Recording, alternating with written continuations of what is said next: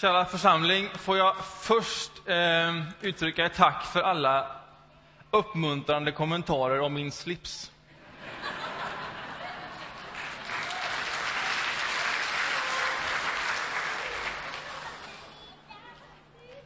Den finns där av ett enda skäl. Det är för att sprida glädje och för att uttrycka min glädje. Så jag är glad att jag har nått fram i det. Och så tänker jag nu när det var så positivt gensvar att det skulle kunna vara så att om vi når nu insamlingsmålet i den här gudstjänsten, att då slipsen åker upp på pannan och så förvandlas jag till partygeneral. Den möjligheten finns. Vi får se. Vi får se. Men jag, jag vill uppriktigt säga att jag känner mig glad att stå här. Mitt i församlingen och mitt i detta sorlet. Om någon störs av det, så gör inte jag det nu. Så ni behöver inte oroa er om mina vägnar. Jag känner en stor glädje att, att stå här, och det av flera skäl. Ehm, det jag vill säga nu, kort, det är tre citat ur Bibeln som vi ska läsa tillsammans. Och det finns ett budskap i vart och ett av dessa tre citat. Det första budskapet det är någonting uppmuntrande, som jag vill säga. Det andra budskapet det är någonting väldigt, väldigt grundläggande. Och det tredje budskapet det är en stor utmaning.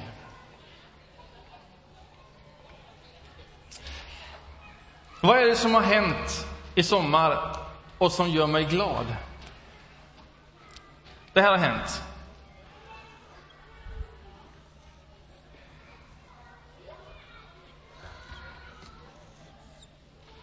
Innan sommaren fattade församlingen oj, Innan sommaren fattade församlingen ett, ett enhälligt beslut, en stor vilja att vi vill använda de här lokalerna ännu mer än vi gör. Mer flexibelt, mer effektivt, ännu mer inbjudande, ännu vackrare. Vi vill maximera det vi har att arbeta med här. Och så sa vi att, att göra det på ett bra sätt, det kostar ungefär 17 miljoner kronor. Och för att vi ska göra detta ansvarsfullt och inte bygga på oss en stor börda för framtiden och nästa generation och så vidare, så behöver vi samla in 8 miljoner av eget kapital. Vi behöver ge luften om det. Och om vi gör det, då känns det ansvarsfullt att göra det vi vill göra med de här byggnaderna. Och det som har hänt under sommaren, sommarmånaderna, det är att vi har samlat in fram till idag 4,3 miljoner kronor i luften. Då räknar jag inte med alla de timmar som också har lovats. Som om man räknar om dem i en timpeng som vi kan dra av från vi behöver inte köpa tjänsterna, så handlar det idag om flera hundratusen kronor som har lovats. Detta är bara de offer luften som har lovats. Och för mig är det nåd att få stå mitt i detta och få se detta hända i min egen församling och vara del av det. Därför att samla in 4,3 miljoner under en sommar, det räcker inte bara med att pengarna finns för att det ska ske. För om det bara kom ner till att pengar finns, ja, då skulle vi snart trycka upp den här stapeln. Att pengar finns räcker inte. Det vet vi ju, så är det alltid. Det vill till någonting mer. Och vad är det som vill till för att detta ska ske i en församling? Vad är det som vill till att flera människor känner vilja att gå in i ett initiativ, att lova också av sin ekonomi in i detta. Här vill jag läsa ett bibelord. Det är det första citatet. Och om du har en bibel, så slå upp Filipperbrevet. En enda vers. Du finner det på sidan 844. Filipperbrevet kapitel 2 och vers 13. Där står så här.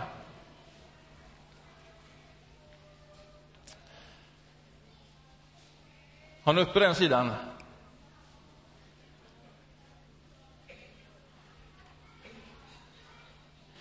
Nu så. Då läser vi gemensamt. Ty det är Gud som verkar i er så att ni både i vilja och gärning förverkligar hans syfte. Det är Gud som verkar i er, i oss så att vi i vilja och gärning förverkligar hans syften. Det är vad den här lilla stapeln betyder till innehållet stora stapeln. Det räcker inte bara med möjligheten med ett kapital. För att det här ska till så behöver Gud verka i vår vilja så att vi vill vara med och ge till hans verk. Och jag tror att varje människa har den längtan. Någonstans i ditt liv, någonstans i något lager finns den längtan. Att Gud verkar i mitt liv. Så att jag i vilja och i gärning inte bara vill, utan också får gjort det som förverkligar hans syften. Ett sånt liv vill vi leva. Och ett sånt liv lever vi. Och det är vad som händer. Så jag vill uppmuntra dig med det, du som finns med här, med ditt löfte. Det är Gud som verkar så att vi vilja och gärning förverkligar hans syften. Det är något av det vackraste en människa kan vara med om.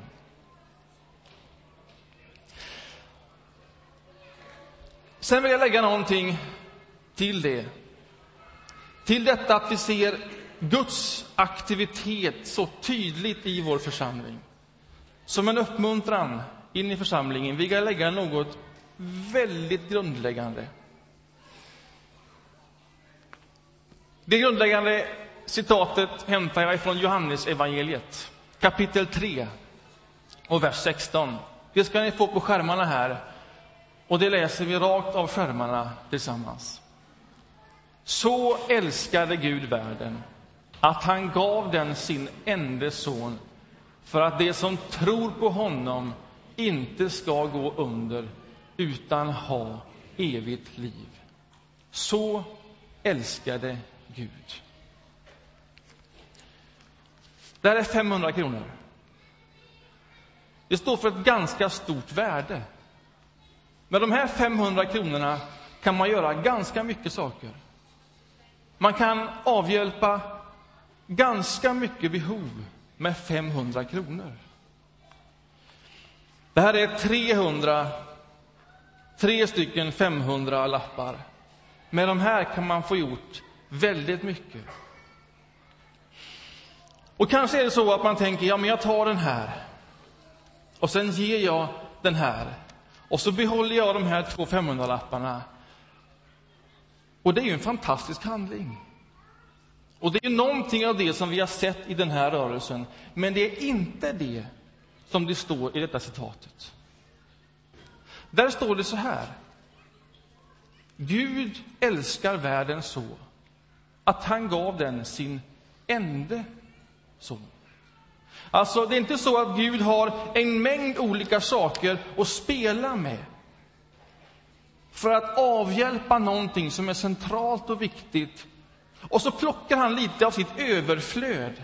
Och med det överflödet så gör han någonting alldeles fantastiskt och enastående. Nej, så står det inte. Det står så här att Gud har en sån här en son. Det här är det vackraste han har. Det är det mest värdefulla han har. Det är det närmaste han har. Det är en del av sig själv. Detta är hans ende son. Och han tar denne enda son och sen ger han den vidare för vår skull i en enda handling. Så älskar Gud. Inte på toppen av sitt överflöd, utan han ger allt. Han ger det enda för att med det vinna allt. Och vad är det som kan få Gud att ge den enda sonen? Vad kan få någon till en sån stark rörelse att inte bara plocka av alla möjliga vägar, utan den enda vägen? Som är ett stort eget offer. Alltså när Jesus efter lidande hänger på ett kors och ropar ut i detta universum min Gud, min Gud, varför har du övergivit mig? Så är det inte en leende Gud som ser på det. Det händer någonting i Gud när det sker. Det är ett enormt drama, det är ett offer. Det är den enda sonen som han ger. Och vad kan få Gud att ge allt?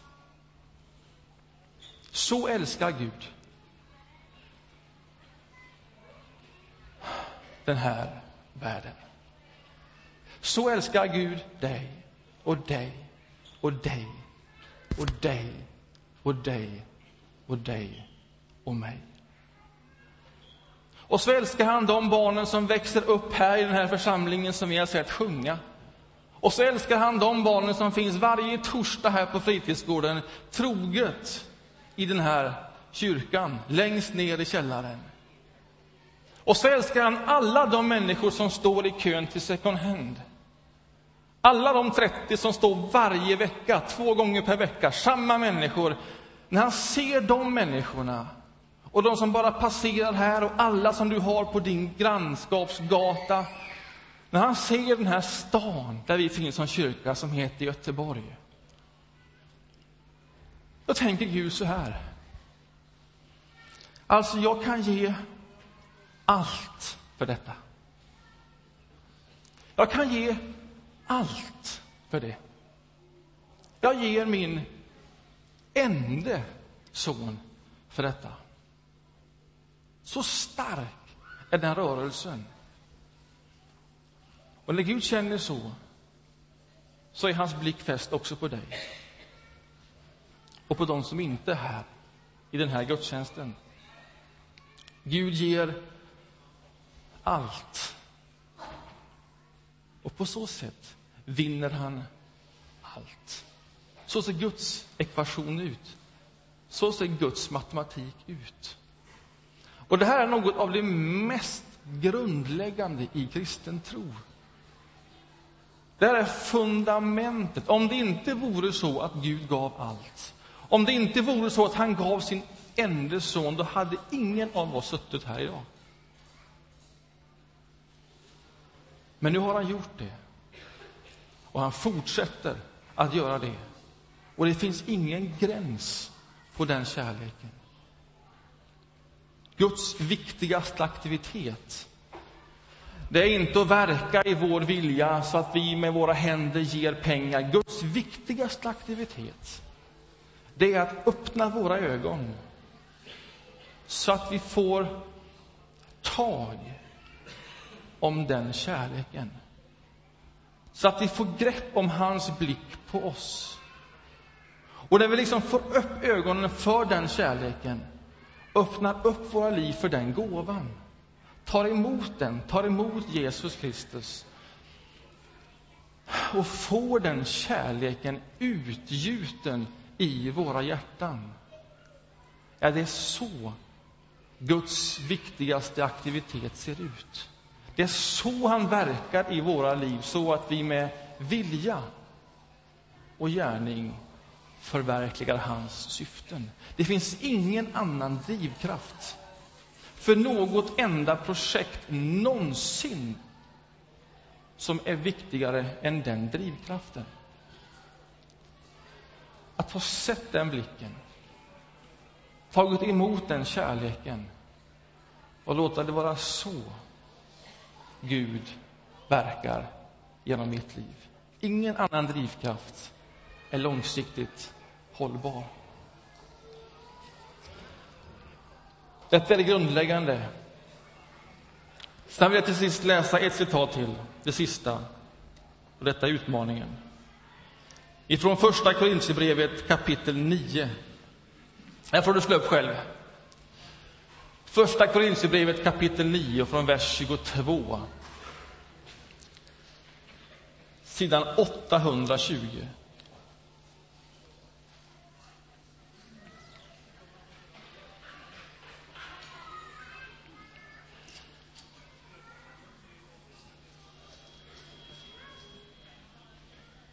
Sidan 821 får jag det i min bibel. Stämmer det? Då läser vi ifrån hälften på vers 22. Är ni med?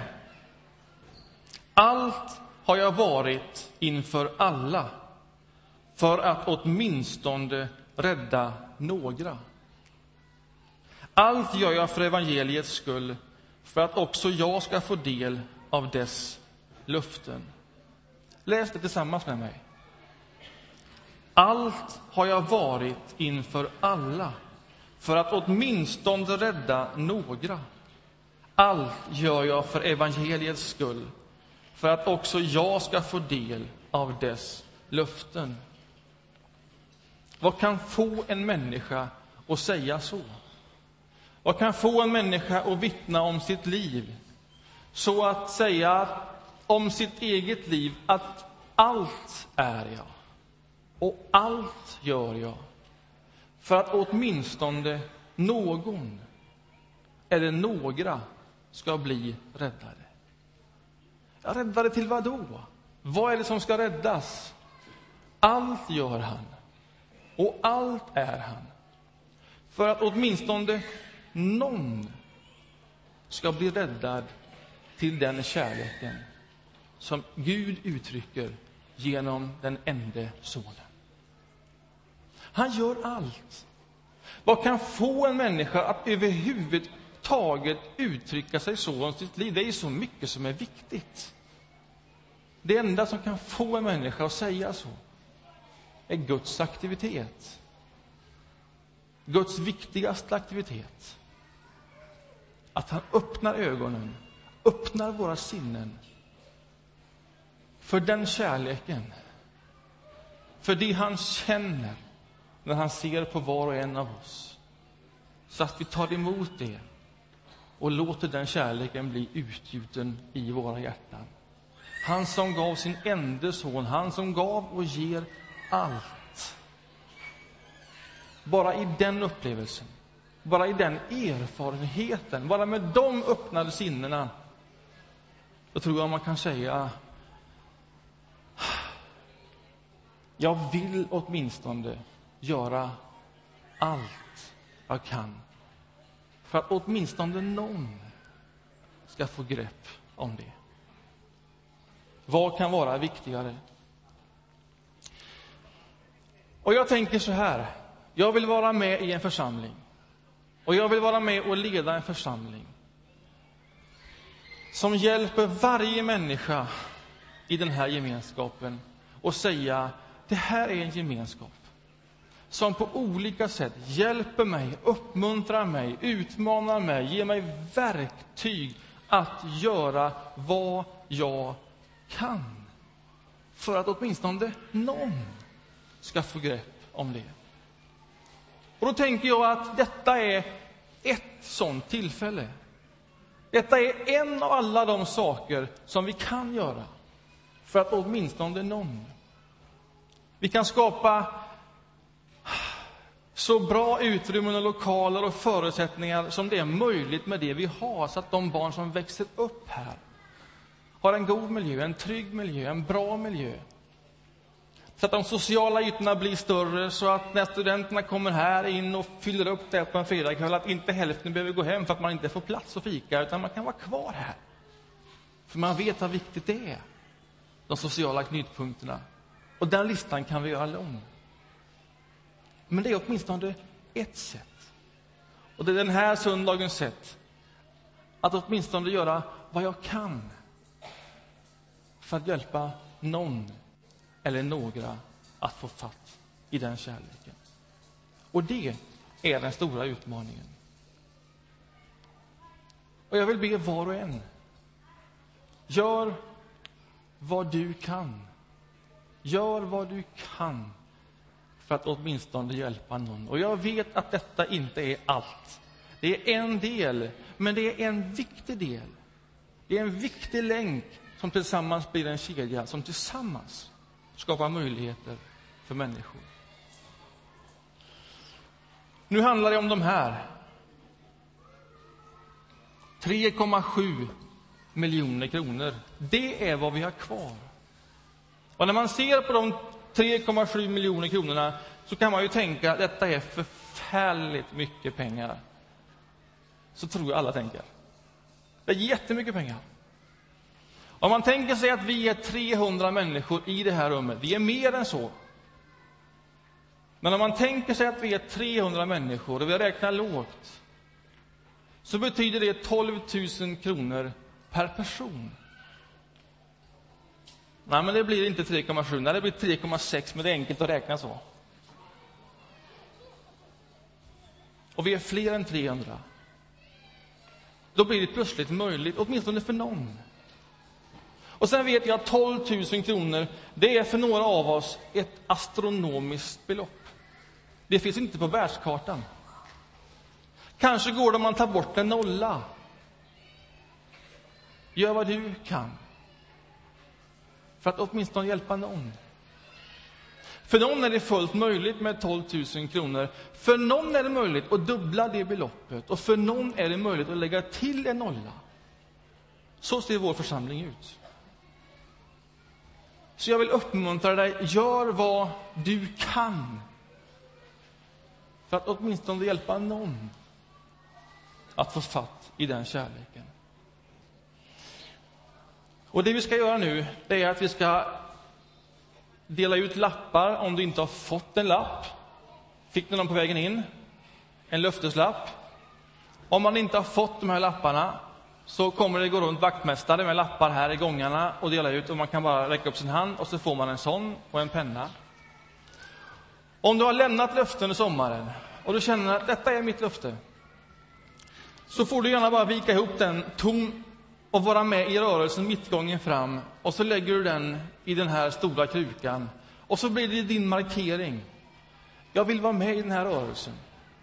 Jag vill att Gud ska agera på det här sättet i mitt liv. Och så går du och så lägger du den där.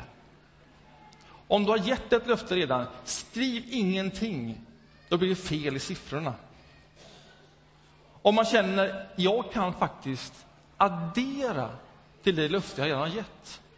Då skriver man bara det man vill addera till det. Det kan vara pengar, det kan vara en gåva, det kan vara timmar. Jag har räknat på det här nu. Jag kan lägga två kvällar per månad. Det är möjligt för mig. Då skriver man det och så lägger man den där i. Och sen står det en rad där man kan få skriva sitt namn eller vara anonym. Och nu är Jan Larshed, vår kassör, som tar hand om allt detta och vi har lovat anonymitet i detta. Han är inte här. Så om du inte vill att ditt namn ska synas här i, så skriv inte ditt namn, utan låt det få vara en anonym gåva. Kenneth Wilhelmsson, var är du? Här, längst bak på läktaren. Han är vår Jan Larshed idag. Han räknar alla dessa lappar. Så det är bara Kenneth som ser de lapparna om det står ett namn. Vill man ändå inte ge ett namn, utan man vill, så kan man ta kontakt med Jan Larshed i efterhand på mejl eller telefon eller på något sätt. Så vi är rädda om varandras anonymitet om man vill det. Får jag säga några korta saker innan du skriver i ditt löfte, vi får lite musik under den här turen. Helt kort, ett. Jämför dig inte med någon annan i det här rummet. Var och en ger efter sin förmåga. Det är viktigt. Det andra, tid, är också en stor gåva. Det tredje, om det inte finns tid och det inte finns pengar att ge, då vill jag att du ska känna att du är i mitten av detta initiativ. Att du står i centrum av detta initiativ. Så sträck på din rygg. Om du är på väg, om du känner att du är på väg, du kanske är student, du vet inte om du är här ett eller två år, om du sen flyttar. Så jag passar. Låt mig få utmana det. Jag tror det är en flyktmekanism. Med den hållningen riskerar du att aldrig riktigt leva helt och fullt där du är. Det du har, det har du nu. Och det har du ansvar för. Om ett eller två år, det kan man drömma stort, men man vet ingenting. Och om du sen flyttar till en annan ort, får ett jobb där kanske, köper en bostad och du söker en församling, så är en förutsättning för det, det är att någon har varit där före dig och tänkt, nu är jag här. Det här har jag ansvar för. Och sen satsar man av tid och kärlek och pengar och så får du gå in i det. Om du nu är här för en tid, ta vara på den tiden. Fly inte det ansvaret. Det vill jag säga. Och så vill jag också säga, pengar på hög, det har en stor kraft. De pengarna vinner lätt ditt hjärta. Det bästa sättet att vinna tillbaks hjärtat för Gud är att minska på den högen. Att ge de pengarna. Därför att hjärtat följer med i den rörelsen. Och på det sättet låter Gud verka i och genom ditt liv. Gud gav sin enda son. Låt oss därför göra allt vi kan för att åtminstone någon någon ytterligare ska få den kärleken utgjuten i sitt hjärta. Nu ska vi få lite musik. Vaktmästarna kan gå gångarna fram här och dela ut pennor och eh, lappar för den som inte har fått det. Och sen när den här musiken är slut, då kommer Ingmar att bjuda fram er i en rörelse och vi går mittgången fram här.